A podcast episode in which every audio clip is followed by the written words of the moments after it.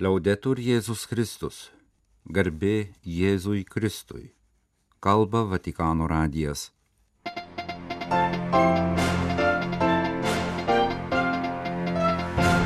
Malonus klausytojai šioje sekmadienio balandžio 16 programoje Atvelykio sekmadienis Vatikane. Popiežius vadovavo dangaus karalienės maldai, kalbėjo apie iššūkį pasilikti bažnyčioje, pasveikino Velykas švenčiančius rytų krikščionis, be kitų paminėjo maldos susitikime Šventojo Petro aikštėje dalyvavusius lietuvius. Po vidudinio apmąstymo Pranciškus gynė savo pirmtaką šventąjį Joną Paulių II nuo šmeižikiškų kaltinimų ir pagerbė jo atminimą. Visuotinio patriarcho Baltramiejaus ir Ukrainos graiko peigų katalikų bažnyčios vadovo Svietoslavo Velykų žinios. Savaitė Lietuvoje Giedriaus Tamaševičiaus parengta įvykių apžvalga.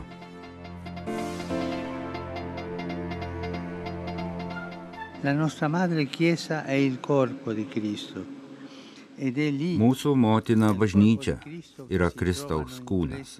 Būtent jame, Kristaus kūne, tebėra ir amžiams liks įspausti patys didžiausi jo meilės ženklai, prisikėlusiojo mirties žymės, pažymėjo popiežius atvelykio sekmadienio apmąstymė dalydamasis mintimis apie Jėzaus atvelykį po aštuonių dienų nuo prisikėlimo iš numirusių, Jėzus patenkino dviejų vadinamo apaštalo Tomo prašymą pamatyti viešpaties žaizdas. Jėzaus kvietimas Tomui prisiliesti prie jo žaizdų yra aktualus ir tinka kiekvienam iš mūsų. Tomas troško nepaprasto ženklo, kad tikėtų, norėjo paliesti Jėzaus žaizdas. Ir Jėzus visai paprastai jas jam parodė priešais visus mokinių bendruomenėje, tarsi norėtų jam pasakyti, jei nori su manimi susitikti, neieškok kur nors toli, o pasilik bendruomenėje su kitais. Niekur neik, melskis kartu ir su kitais dalinkis duona. Jis tą sako ir mums, pažymėjo Pranciškus ir tęsė, tada galėsi mane sutikti parodysiu savo žaizdų žymės kūne, blogį, nugalinčios meilės, kerštą, nuginkluojančio atleidimo, mirtį įveikiančios gyvybės ženklus. Būtent bendruomenėje atpažinsi mano veidą, kai su broliais, dalindamasis abejonėmis ir baimėmis, dar labiau prisiriši prie jų. Senza la comunità è difficile trovare Gesù. Be bendruomenės sunku surasti Jėzų, pridūrė popiežius. Pranciškus be to kvietė susimastyti apie tai, kur mes nūdieną ieškome prisikėlusiojo. Noi dove cerchiamo il risorto? Galbūt jo ieškome įtaigiuose ir pritrenkiančiuose religiniuose renginiuose tik emocijomis ir jausmais, arba bendruomenėje, bažnyčioje, priimdami iššūkį joje pasilikti, nors yra netobula. Anot Romos vyskupo Pranciškaus, nepaisant visų jos ribotumų ir jos nuopolių, kurie yra mūsų ribotumai ir mūsų nuopoliai, mūsų motina bažnyčia yra Kristaus kūnas. Būtent jame, Kristaus kūne, tebėra ir amžiams liks įspausti patys didžiausi jo meilės ženklai, prisikėlusiojo mirties žymės. Klauskite savęs, tęsė jis, ar šios meilės vardu Jėzaus žaizdų vardu esame pasiryžę ištiesti rankas gyvenimo sužeistiesiems, nieko neatmesdami nuo Dievo gailestingumo, bet priimdami visus, kiekvieną kaip seserį, kiekvieną kaip brolį. Dievas priima visus. Dievas priima visus, kartojo Pranciškus. Prieš.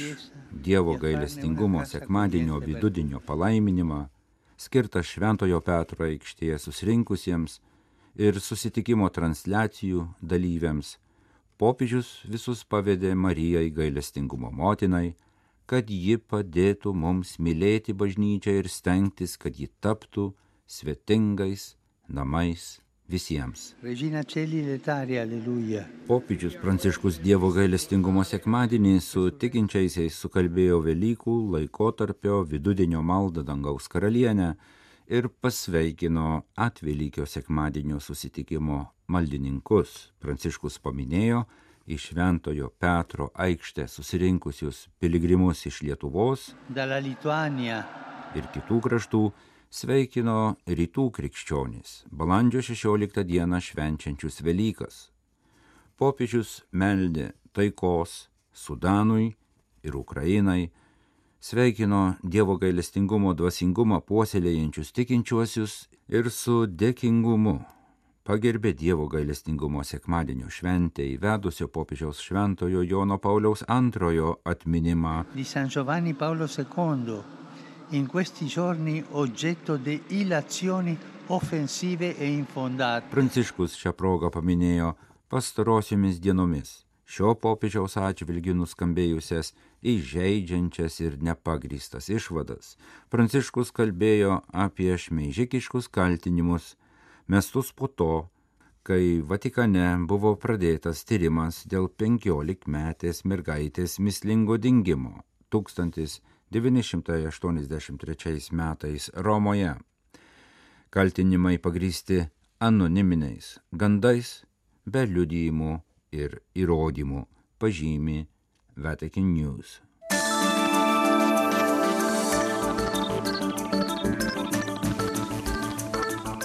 Jūs klausotės Vatikano radio žinių laidos, tęsėme programą.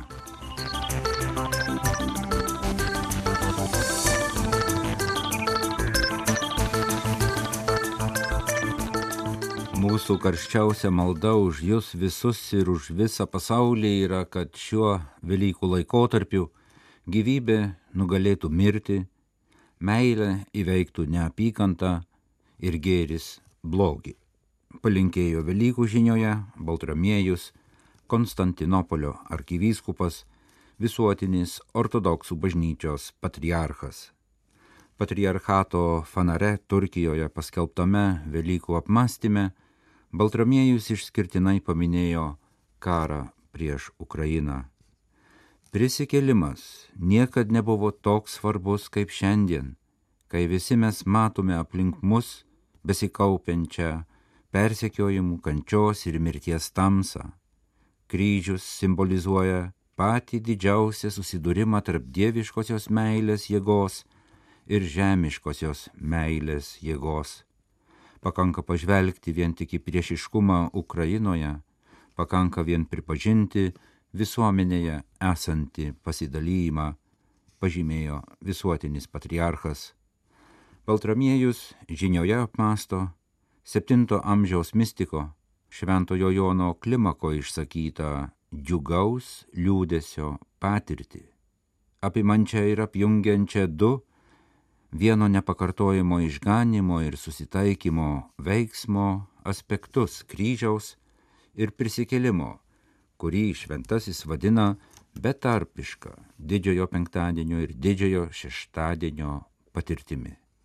Prisikėlimas suteikia naują intuiciją, naują viziją ir naują percepciją.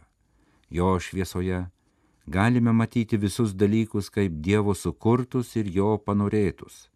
Ši šviesa šviečia šviesiau už bet kokią tamsą mūsų širdyse ir mūsų pasaulyje.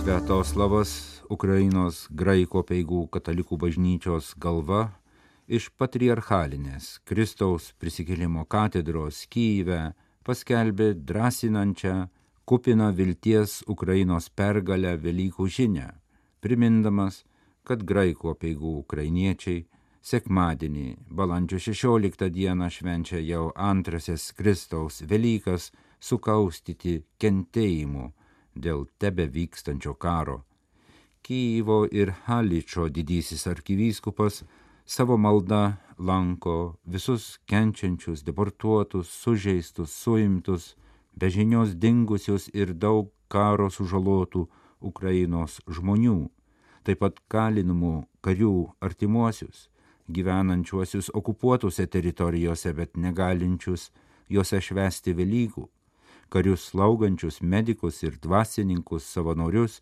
visus Ukrainos vaikus ir senelius. Didysis arkivyskupas atskirai paminėjo žuvusius tėvus, motinas, seseris, brolius ir vaikus.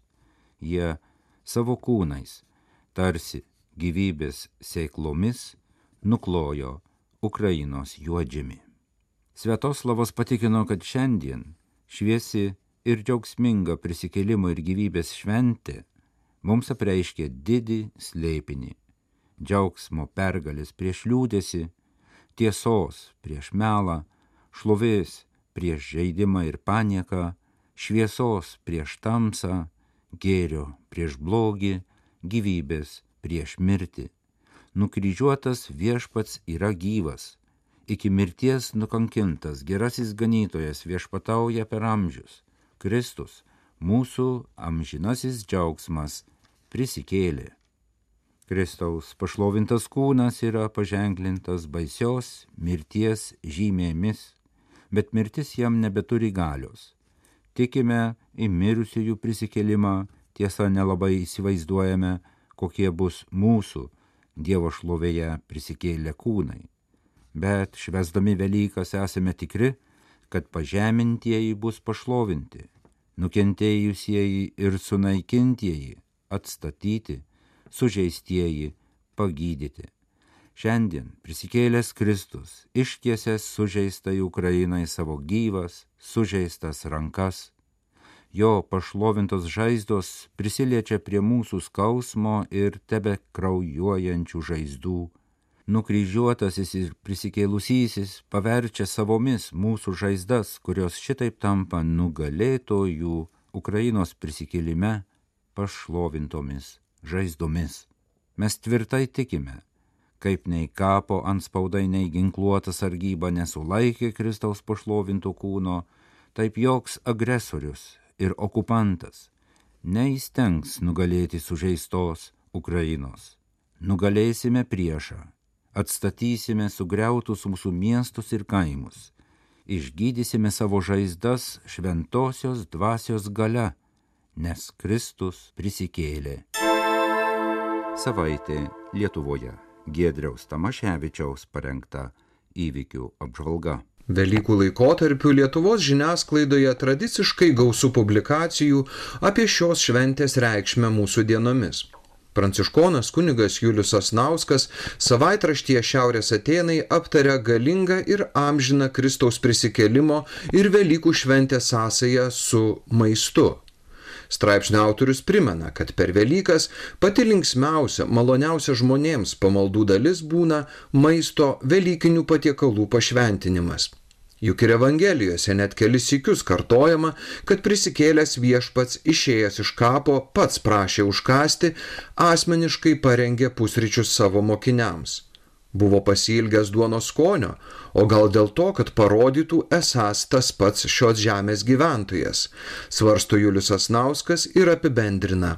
Maistas yra gera Kristaus prisikelimo įvykio iškaba, geriau atitinkanti Evangelijos tekstus ir mūsų prigimtį, nei tuščia žodžiavimai apie dvasinius prisikelimus iš nuodėmių.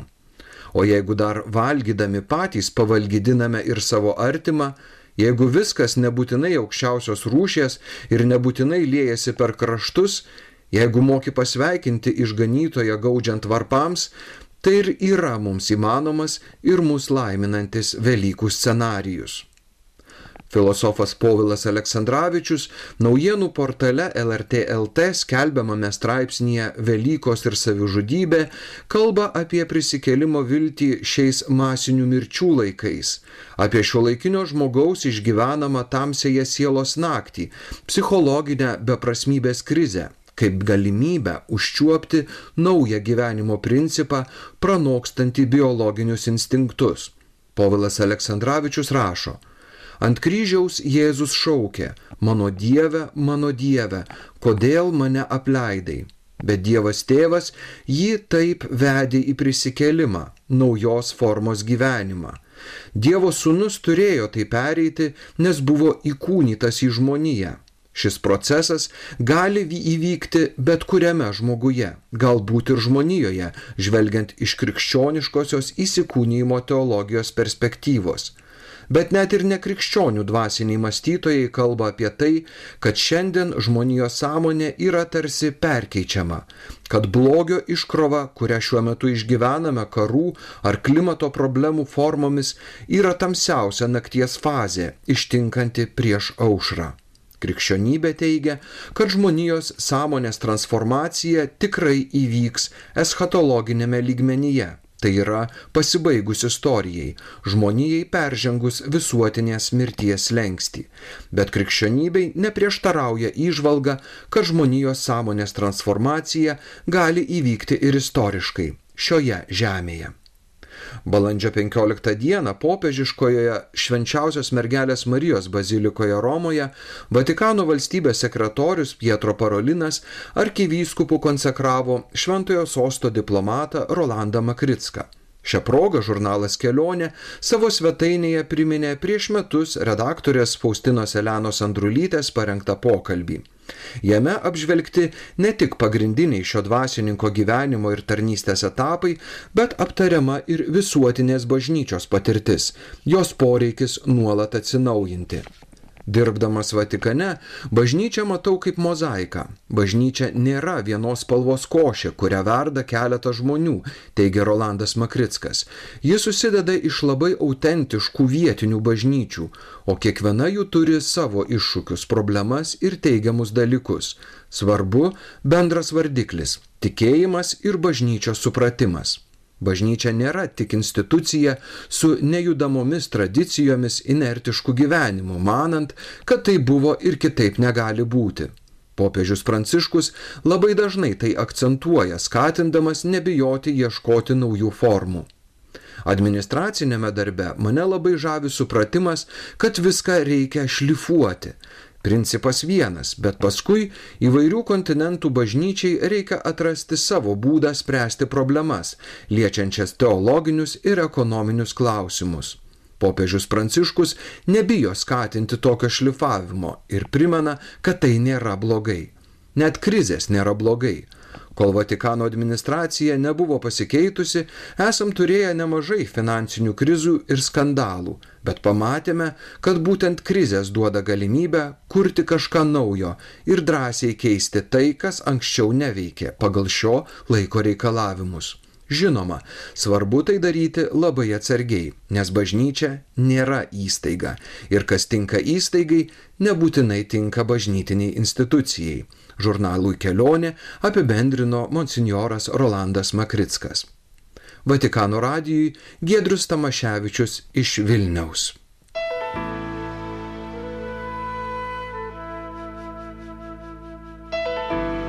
Kalba Vatikano radijas, laidą lietuvių kalba baigėme. Garbėjai Jėzui Kristui, liaudetur Jėzus Kristus.